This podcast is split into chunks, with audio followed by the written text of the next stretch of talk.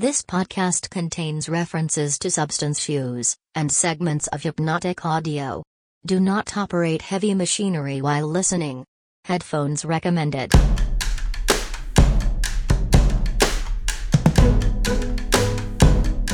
Hi, my name is Hannah Rice, and you're listening to episode 2 of Real Legitimate Apocalypse, my investigation into one sinister Toronto based cult.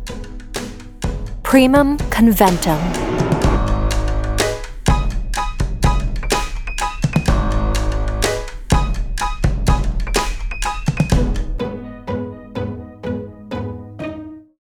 I paused it as I entered the lobby of my building. I thought, what the hell? Am I looking for higher personal fulfillment? Not at the dentist. Yes. Could this help? Doubtful. But watching The Office on my laptop for the third, actually the fourth time, wasn't going to either. At least I could say that I gave it a chance, right? I threw myself on my bed in my room with the lights off and hit play again. Let us begin. Settle into a safe and quiet place sitting or laying down. There. Now that you're comfortable, take a full breath in and a long breath out. Listen to the sound of my voice. Allow all thoughts and distractions to evaporate, and let the sound of my voice fill deep into your body. Another deep breath in and hold for three seconds. Allow all the sounds of my voice to wash you clean of any tension. The dips and peaks of the vowels and the fluttering chirps of the consonants. Let them wash away all worry and care. Breathe in and out on a sigh. As my voice fills your body, acknowledge the tensions that persist in your mind and flesh. Imagine the luscious notes of my voice slowly but steadily washing them away. Breathe in and breathe out. There is a combination of sounds my voice can make that is more effective against the hardier tensions you feel in your mind and body. I'm going to make the special sound combination in a moment. Breathe in and breathe out. When you hear the sound combination, imagine the potency of the sounds of the word washing completely away these tensions in your body and mind. Breathe in and breathe out. Here is the word crimson. Breathe in and breathe out. I'm going to say it once more crimson. Allow the power of this word to pour into every inch of your mind and body. Crimson. Breathe in and breathe out. Let the first k sound splinter the hard tensions you hold in your mind and body. Crimson. Breathe in and breathe out. Let the strong mmm sound vibrate through your being. Crimson. Allow the z sound to drill into you. Crimson. Let the n sound ground you. Crimson. Let the sounds crimson become you crimson. And this is where crimson, you are in your true form. Crimson, your higher crimson, personal fulfillment. Crimson, you are crimson. The world is crimson. Now let the power of that word, those sounds, begin to wash away. And your old, usual, regular world self reassemble. Allow those insecurities to regrow in your flesh and in your mind. Rebuild yourself and feel the tension and pain reinstall itself into your body and soul. Next session, we'll work on identifying those tensions and pains and alleviating them from your body. For now, you carry them like a weight through life. They control your every decision. Thank you for listening to this tape one of Guided Meditation for Higher Personal Fulfillment. That was pretty short. It was the first thing I thought, lying on my bed in the dark. It felt pretty good, I had to admit. Like, it was relaxing. It calmed me, I guess. And now that I was a tense wreck again, I admit that I kind of wanted to get back in there, to that red world. I squinted through the brightness of my phone. Thank you for listening to this free audio meditation track. To continue in the program and listen to track two, enter the course code or click here to enter our payment portal. Yeah, that's not happening. I punched pure space. Lawrence, one, two, three, four. Lawrence is a butt face into the course code. Nothing.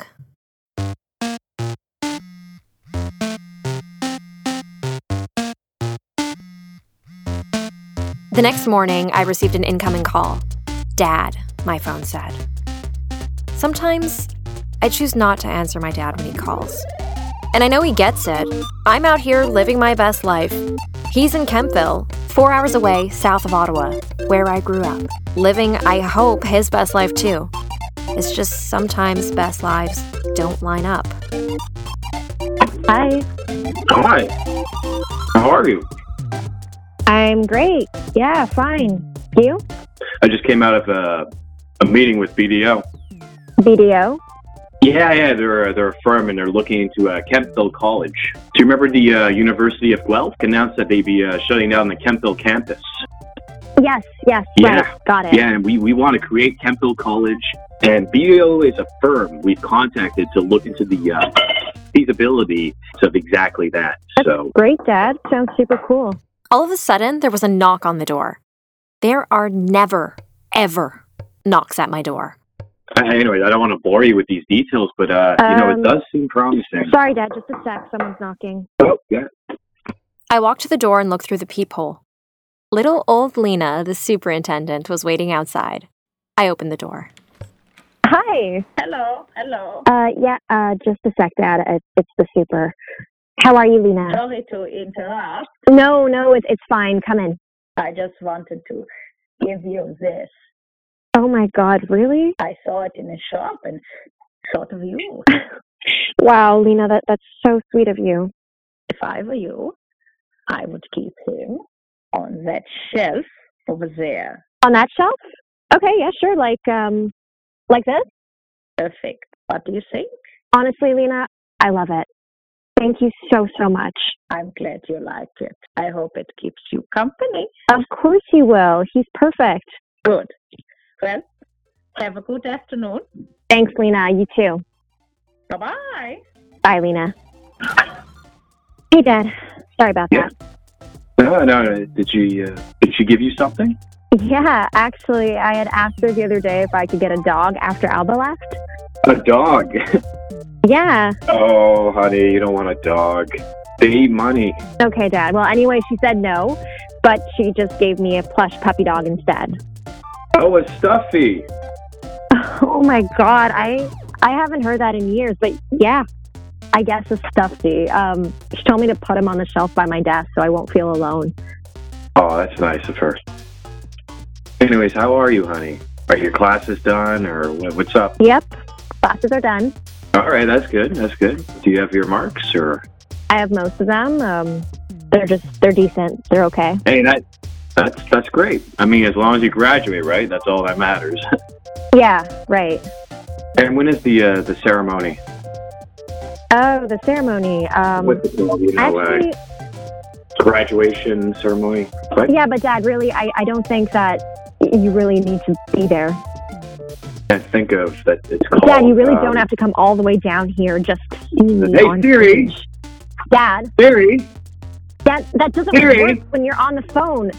Okay, you know I know she listens to my calls Okay, Dad. because whenever I check my emails, you know I see these ads and it's like these are things I just talked about. Like for example, if I look at Kempo Yeah. College. Okay. Right. Anyway, yeah. Alba just left. She moved to Vancouver. Oh, convocation, that's the word. That, oh, Oh, convocation. yeah, that's it. Yeah. When is your? Yeah, when Dad, I don't honey? want you to come. I don't want you to come. Okay. There's no point in you driving down here for an afternoon just to see me cross the stage for five seconds. Did you just say Alba left? Yeah. She moved? Yeah. Right, of course. Well, I mean that's that's a change. Yeah. It really is actually. Well, I mean, I'm sure you'll have free time, I guess, without a roommate. I actually took a wellness, meditation, and fulfillment class yesterday. That sounds um, interesting. it was awful. Sounds it. I mean, how can they teach fulfillment? right? That's what I said. I mean, it, it sounds like a dentist operation, right? Oh gosh, yes, it does, Hannah. Oh man, that's so funny. Well, maybe they'll put on the dentist chair next class. yeah, maybe. Come on, get your teeth fixed.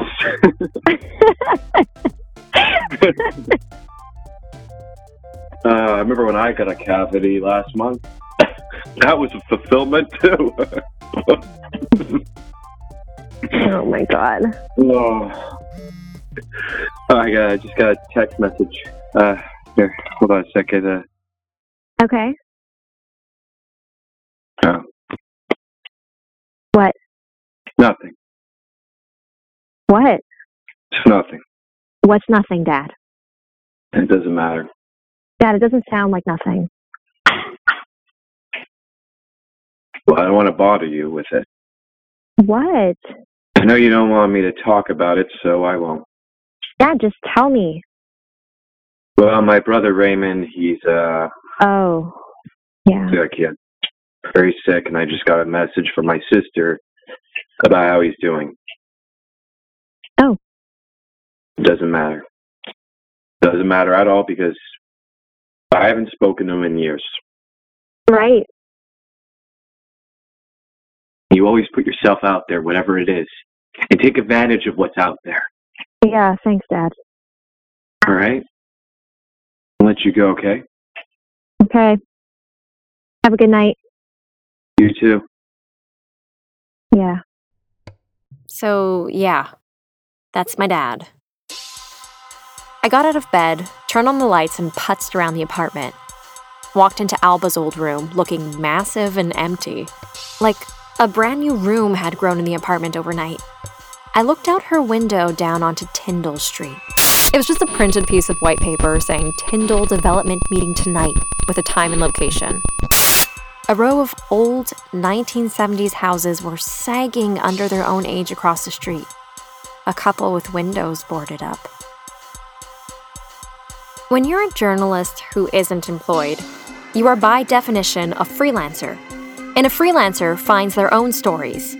A freelancer has to always be on the lookout for a little gem to uncover. Could this be a gem? Put yourself out there, Hannah. Okay, sure, Dad. Now bring your stupid recorder, too. The Parkdale Community Recreation Center is located at 75 Lansdowne Avenue. It's a large building housing an indoor public pool and gymnasiums, as well as the Parkdale Junior and Senior Public School. Of course, at 10 to 8 in the evening, there weren't young children playing in the yard, but a few teenagers were scooting around on BMX bikes and huddling in groups having private conversations they wanted no one to hear.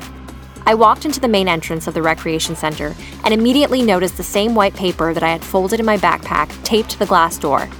Tyndall Development Meeting Tonight, 8 p.m., room 003. Someone had even drawn in black sharpie an arrow pointing up and in all caps, down the stairs and right. Oh, hi. I spasmed. Also, I'm pretty sure I let out a grunt, like a kind of grunt, and turned around. Sorry to scare you. Yeah, no problem. You came? Yeah, I figured why not? I swung open the door and immediately tasted that indoor pool chlorine smell. Lawrence and I descended the stairs and turned right. The building really looked like a school down here. A white and green tiled hallway extended in front of us. Lawrence and I walked down the hallway, not looking at each other. We weren't here together, we were each attending this meeting separately, so there was no need to talk or interact, which I liked. Zero zero one Or maybe I was wrong. zero zero two zero zero three. Here we go. The door was open. The room was essentially a school classroom, windowless, with a dry erase whiteboard covering one wall. There were no desks, but a couple dozen black chairs were scattered around the room, mildly resembling a semicircle.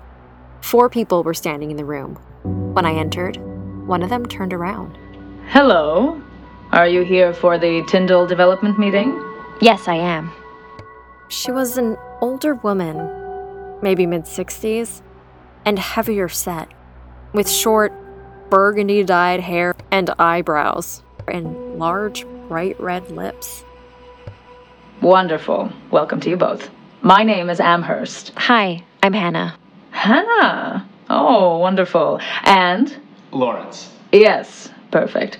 The other three had opened up to us now a man and a woman, and another woman in her mid 30s with black hair who seemed. who seemed a little bored, but relieved to have another two people join the meeting. All three waved awkwardly to me, and I reciprocated. Well, it's almost eight. Should we start? And uh, if anyone comes, we can just fill them in. The five of us each chose a chair and sat down. What was the point of this? I thought as I dropped my backpack on the chair beside me. This was the lamest, not that I've been to many, community action meeting ever. What were six people sitting in a school basement possibly going to do to stop a board of billionaires from building yet another 50 story condo filled with Starbuckses?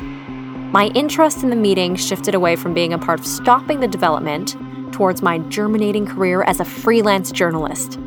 I placed a digital portable recorder on my lap. Now, I know we seem like a small group, and maybe more will join later on, but I think if. I have to fast forward some of this because, to be honest, it was a bit dull. Where's that good bit? Here? 97 Tyndall was built in. Nope. Here. What I have here is a picture of the proposed development. I'll pass it around. Now, I'll let you make your own judgment on it, but I really don't like the look of it. The building will go right up to the sidewalk, with gray granite walls all the way up 35 floors. You'll also notice these hideous crimson lines, crimson line, crimson, crimson, crimson, crimson, crimson, crimson lines across the building. I suppose to be decorative?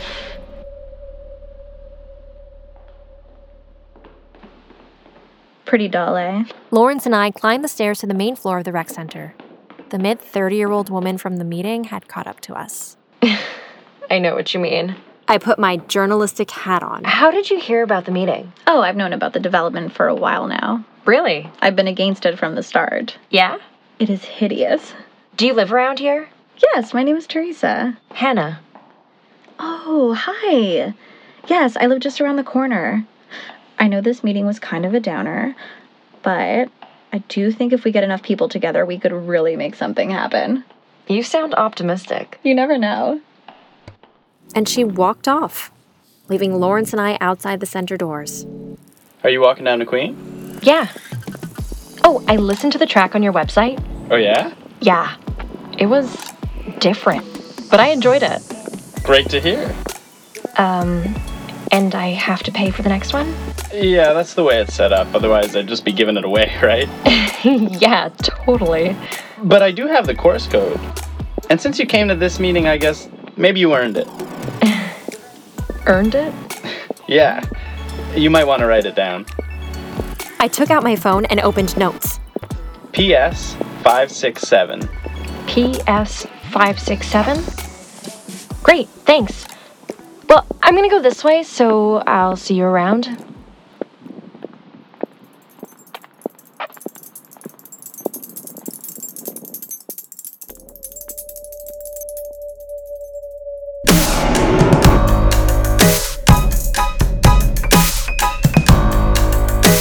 Hi, my name is Hannah Rice, and you've just listened to episode two of Real Legitimate Apocalypse. I'll be releasing episodes every other Monday, so on June 15th, you'll get the next installment. I know, I know, it's a long time, but this story is a lot of work, and I, I want to do it justice, so it just takes time. Reach out to me on Instagram at RLA Series. I'm not telling this story for fame, or followers, or money. I'm telling it because it needs to be told, to be heard. Everything in this story is related, interconnected. Everything is relevant. Subscribe to the Real Legitimate Anthology podcast feed to get our eight future episodes. Stay safe and protect each other.